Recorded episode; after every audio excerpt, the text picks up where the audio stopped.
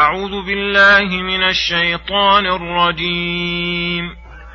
وأما من أوتي كتابه بشماله فيقول يا ليتني لم أوت كتابيه ولم أدر ما حسابيه.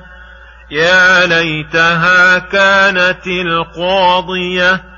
ما هلك عني سلطانية خذوه فغلوه ثم الجحيم صلوه ثم في سلسلة ذرعها سبعون ذراعا فاسلكوه إنه كان لا يؤمن بالله العظيم ولا يحض على طعام المسكين فليس له اليوم هاهنا حميم ولا طعام إلا من غسلين لا يأكله إلا الخاطئون. بسم الله الرحمن الرحيم. السلام عليكم ورحمة الله وبركاته. يقول الله سبحانه وأما من أوتي كتابه بشماله فيقول يا ليتني لم أوت كتابيه الآيات. هؤلاء هم أهل الشقاء يعطون كتبهم المشتملة على أعمالهم السيئة بشمالهم تمييزا لهم وخزيا وعارا وفضيحة. فيقول أحدهم من الهم والغم والحزن يا ليتني لموت كتابية لأنه يبشر بدخول النار والخسارة الأبدية ولم أدر ما حسابية. أي ليتني كنت نسيا منسيا ولم أبعث أو حاسب ولهذا قال يا ليتها كانت القاضية. أي يا ليت موتتي هي الموتة التي لا بعث بعدها. ثم التفت إلى ماله وسلطانه فإذا هو بال عليه لم يقدمه لآخرته ولا ينفعه لو افتدى به من عذاب شيئا فيقول ما أغنى عني ماليه؟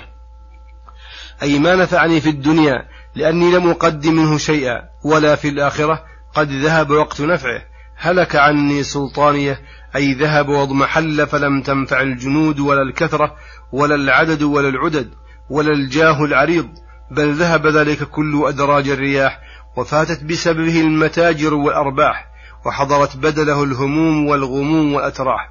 فحينئذ يؤمر بعذابه فيقال للزبانية الغلاظ الشداد خذوه فغلوه أي اجعلوا في عنقه غلا يخنقه. ثم الجحيم صلوه أي قلبوه على جمرها ولهبها.